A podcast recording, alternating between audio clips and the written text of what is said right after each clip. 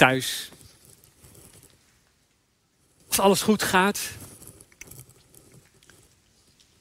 dan zal uh, het demissionaire kabinet morgen verdere versoepelingen toestaan.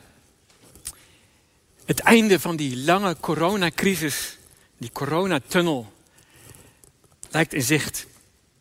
Maar mensen, kinders, wat heeft het lang geduurd en wat was het zwaar? In oktober vorig jaar al, dus net voor de tweede golf, trok de voorzitter van GGZ Nederland, Jacobine Geel, al aan de bel. We hijsen de stormvlag, zei ze. Want een paar groepen in de samenleving die hebben het echt heel erg zwaar. We denken aan dak- en thuislozen, aan ouderen, maar vooral ook aan jongeren. Want daar zien we een toename van angst, van stress en depressie. En ik denk dat we er allemaal wel iets van herkennen. We zijn er allemaal zo ontzettend moe van. En verlangen allemaal zo sterk naar een beetje meer vrijheid. Weer gewoon met je vrienden kunnen stappen, jongens en meisjes. Weer naar de sportschool. Weer op vakantie naar het buitenland. Weer samen zingen in de kerk. En misschien is deze tijd ook wel heel in het bijzonder lastig geweest. En, en heb je zelf ook ja, van die depressieve buien gehad en momenten. Zie je het helemaal niet meer zitten. Door corona of misschien ook wel door heel andere dingen. Nou, vandaag lezen we in de Bijbel over iemand die er ook totaal doorheen zit. Het is niet zomaar iemand. Het is Elia, een grote profeet in de Bijbel. Het is genoeg geweest, Heer. Neem mijn leven. Het heeft toch allemaal geen zin, zegt hij. Maar dan wordt hij op weg gestuurd. En dan loopt hij 40 dagen en 40 nachten door de Negev-woestijn. En dan vinden we hem terug bij de berg Horeb. We gaan lezen 1 Koningen 19 vanaf vers 9. Daar ging hij een grot binnen om er de nacht door te brengen. Toen richtte de Heer zich tot hem met de woorden: Elia, wat doe je hier? Elia antwoordde: Ik heb hem met volle overgave ingezet voor de Heer, de God van de hemelse machten. Maar de Israëlieten hebben uw verbond met hen naast zich neergelegd, uw altaren verwoest en uw profeten gedood. Ik ben als enige overgebleven en nu hebben ze het ook op mijn leven voorzien. Kom naar buiten, zei de Heer. En treed Heer op de berg voor mij aan. En daar kwam de Heer voorbij. Er ging een krachtige, grote windvlaag voor de Heer uit, die de bergen spleet en de rotsen aan stukken sloeg. Maar de Heer bevond zich niet in die windvlaag. Na die windvlaag kwam er een aardbeving, maar de Heer bevond zich niet in die aardbeving. Na de aardbeving was er vuur, maar de Heer bevond zich niet in dat vuur. En na het vuur klonk het gefluister van een zachte bries. Toen Elia dat hoorde, sloeg hij zijn mantel voor zijn gezicht en kwam naar buiten, ging in de opening van de grot staan. En daar klonk een stem die tot hem sprak. Elia, wat doe je hier? Elia antwoordde: Ik heb me met volle overgave ingezet voor de Heer, de God van de hemelse machten. Maar de Israëlieten hebben uw verbond met hen naast zich neergelegd, uw altaren verwoest en uw profeten vermoord. Ik ben als enige overgebleven en nu hebben ze het ook op mijn leven voorzien. De Heer zei tegen Elia: Keer terug. Ga naar de woestijn van Damascus. Daar aangekomen moet je Hazael tot koning van Aram zalven. Jehu, de zoon van Nimsi, moet je zalven tot koning van Israël. En Elisa, de zoon van Safat uit Abel Mehola, moet je tot je eigen opvolger zalven. Wie ontkomt aan het zwaard van Hazael zal gedood worden door Jehu. En wie ontkomt aan het zwaard van Jehu zal gedood worden door Elisa. Ik zal in Israël niet meer dan 7000 mensen in leven laten. Alleen diegenen die niet voor Baal hebben geknield en hem niet hebben gekust.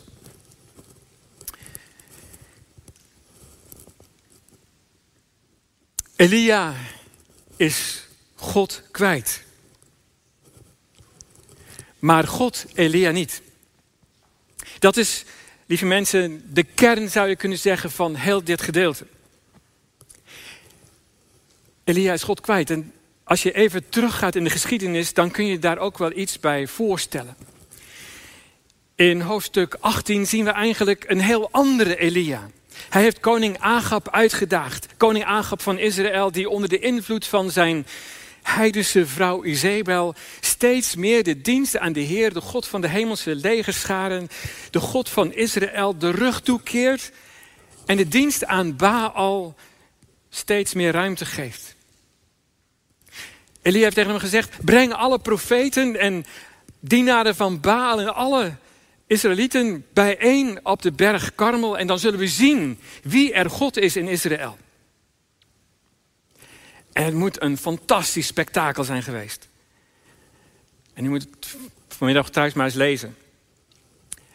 Het resultaat is, heel kort gezegd, dat Elia als winnaar uit de bus komt en dat alle Baal-profeten ter plekke worden gedood. De Heer is God. De Heer is God. Dat is de onontkoombare conclusie die het volk trekt. Maar lieve mensen, door deze actie heeft Elia zich wel de woede van koning Agabs vrouw op de hals gehaald. Koningin Izebel, die zweert vloekend Elia een kopje kleiner te maken. Daar begint hoofdstuk 19 mee.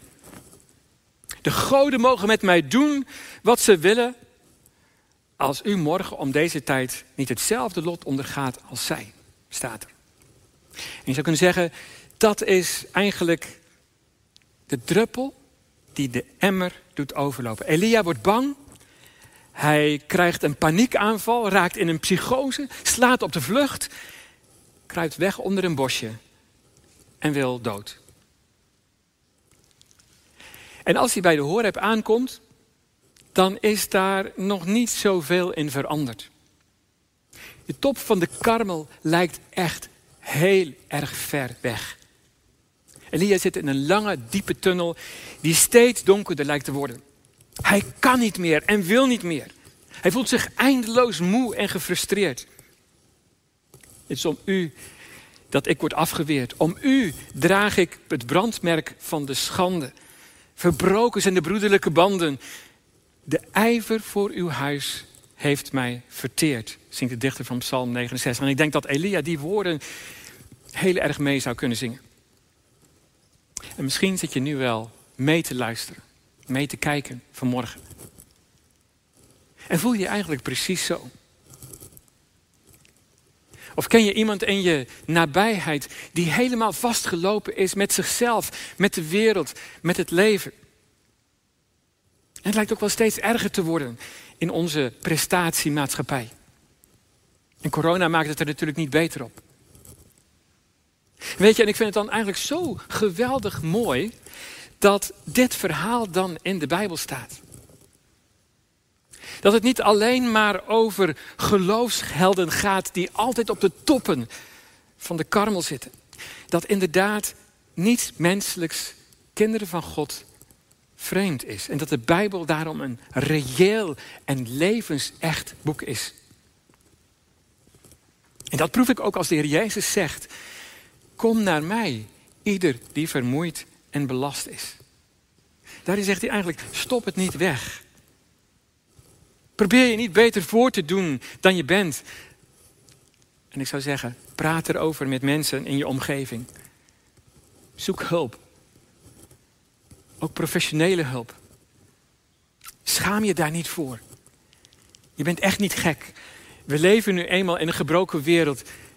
Shit happens om het zo maar te zeggen. Je kunt niet altijd op de top zitten. Kijk naar Elia. Van de top van de karmel belandt hij zomaar diep in een bodemloze put. Bij de berg Horeb verbergt hij zich in een grot. Ver weg van de mensen. Maar uiteindelijk heel dicht bij God. Want lieve mensen, als je die naam Horeb hoort, dan zou je eigenlijk al Ja, dan zou er eigenlijk al een belletje moeten gaan rinkelen in je hoofd. Want die, die berg is een heel bijzondere berg. Er staat bij de berg van God. Het is de berg waar het volk Israël lang geleden de tien geboden heeft gekregen. Waar de Heer met het volk zijn verbond sloot. Waar alles begon, zou je kunnen zeggen. Waar hij zich openbaarde in wolken, vuur en donderslagen. En als Elia daar bij die berg Horeb in de put zit te zitten en hij alles kwijt is, bij wijze van spreken met zijn hoofd onder de dekens in zijn donkere, koude grot ligt, dan komt de Heer naar hem toe. Elia, wat doe je hier?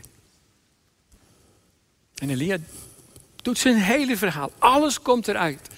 Zijn inzet, zijn frustratie, de eenzaamheid, de angst. En dan daagt de Heer hem uit om naar buiten te komen. Kom uit je schulp, Elia. Presenteer jezelf, staat er eigenlijk. Dat is bij het afnemen van een défilé. En daar kwam de Heer voorbij, staat er dan. Zo simpel. Maar lieve mensen, als je, dan, als je dan leest wat er allemaal gebeurt. Een geweldige stormvlaag die de bergen spleet, wordt erbij gezegd. Die de rotsen aan stukken sloeg. Maar Elia wordt er blijkbaar niet warm of koud van. Hij kruipt bij wijze van spreken weer met zijn hoofd onder de dekens. Een aardbeving. De bergen staan te schudden op hun fundamenten. Maar Elia komt niet naar buiten. Een alles verzengend vuur. Nou ja, dan kan je je voorstellen dat hij zich verstopt, dat hij weggeduikt in die diepe grot. Maar beter ook. En dan stilte. Een oorverdovende stilte. Alsof alles en iedereen zijn adem inhoudt. Alleen nog het gefluister van een zachte bries. En dan komt Elia in beweging. Hij gaat naar buiten. En daar is weer die stem. Elia, wat doe je hier? Weer hetzelfde verhaal van Elia. Het is eigenlijk zo ontroerend om dat te lezen. Twee keer, Elia, wat doe je hier? Het laat iets zien van, van Gods geduld, van zijn trouwe liefde.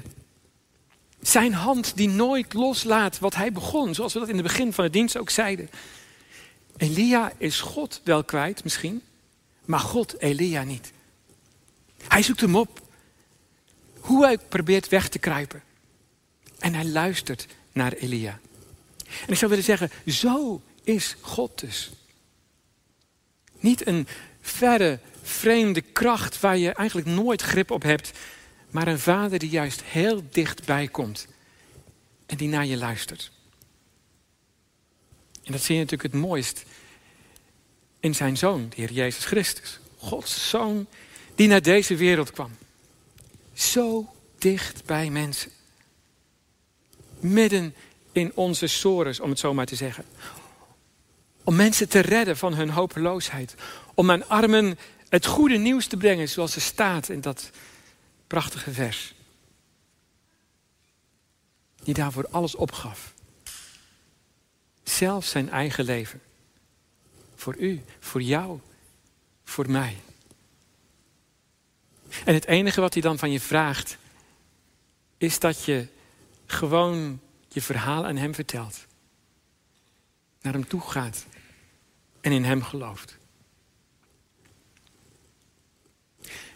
God luistert geduldig naar Elia. Maar hij stuurt hem dan weer wel op weg. Hij moet in deze nieuwe missie twee koningen gaan zalven. En zijn opvolger Elisa. En nee, het is zeker geen, geen prachtige vredesmissie. Je wordt er niet gelijk warm van en blij. Deze dienaren van God, die moeten het recht gaan herstellen. Gods recht. Want het is Gods missie die door moet gaan. En dat zal gepaard gaan met, met strijd, met oorlog, met het zwaard. En ik kan me voorstellen, lieve mensen, dat als wij om ons heen kijken vandaag de dag, in deze wereld waarin wij leven en het onrecht zien om ons heen, de liefdeloosheid en de hopeloosheid, dat we ons ook soms zo machteloos, zo moedeloos kunnen voelen. Wanneer zal er een einde aankomen? Maar 1 Koningin 19 laat zien dat God het onrecht niet over zijn kant laat gaan. Dat hij wel degelijk in control is en wel degelijk optreedt tegen onrecht. En tegen mensen die maar doorgaan om onrecht te plegen. Die niet willen luisteren. En dat zijn koninkrijk op een dag finaal door zal breken als Jezus terugkomt op de wolken en hij recht zal spreken over alle mensen. Dat er een nieuwe hemel en een nieuwe aarde aankomen waar recht en gerechtigheid zullen heersen. En dat in die beweging wij nog steeds een rol hebben te spelen. Om mensen daarvan te vertellen, om mensen daarop te wijzen. Om daarvan te getuigen. En je zou kunnen zeggen, dat is misschien al het eerste antwoord op, Elisa, op Elia's frustratie. Dat God doorgaat met zijn werk. Maar het tweede is dat Elia er niet alleen voor staat. Daar is Hazael, daar is Jehu, daar is Elisa. En er zijn nog 7000 andere dienaren van God die Elia een klein beetje over het hoofd gezien had, die hun knie voor Baal niet hadden gebogen. En dat is denk ik ook voor ons een belangrijke boodschap. Ook wij staan er vandaag niet alleen voor in deze wereld.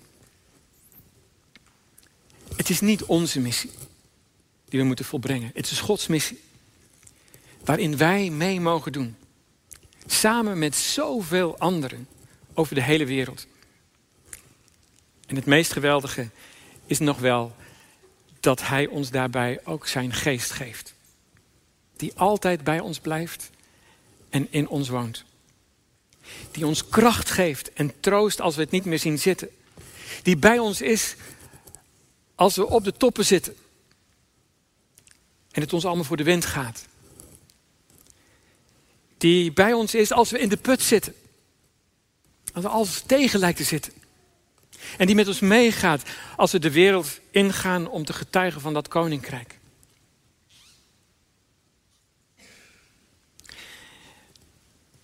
Ja, maar ik zie het niet. Ik zie God niet. Ik zit vast in die diepe grot van hopeloosheid. Dat gevoel van ultieme eenzaamheid. Die tunnel die steeds donkerder wordt en waar geen einde aan lijkt te komen. Ik kan niet meer. Weet je, dan kom ik toch weer uit bij die machtige woorden van onze heiland, de Heer Jezus Christus. Kom naar mij, jullie die vermoeid zijn en onder lasten gebukt gaan. En ik zal je rust geven. Hij kent jou, hij ziet jou en hij luistert naar je. En hij vraagt vanmorgen aan je, wat doe je hier? Niet verwijtend, maar oprecht geïnteresseerd. Dus zeg het maar tegen hem. Heer, ik kom tot u. Neem mijn hart, verander mij. Als ik u ontmoet, vind ik rust bij u. Zullen we samen bidden? Heer onze God, lieve Vader in de hemel, wat een geweldige boodschap geeft u ons vanmorgen.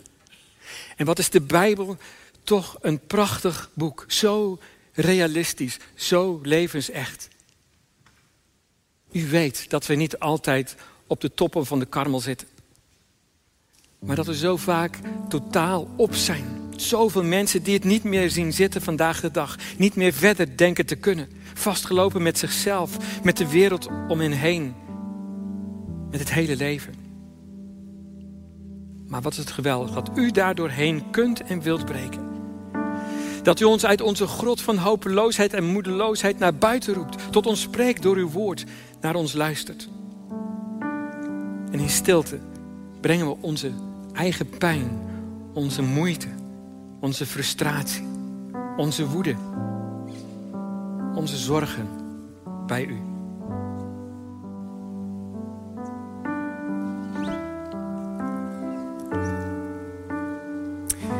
Maar het is dan geweldig om te weten dat u in control bent.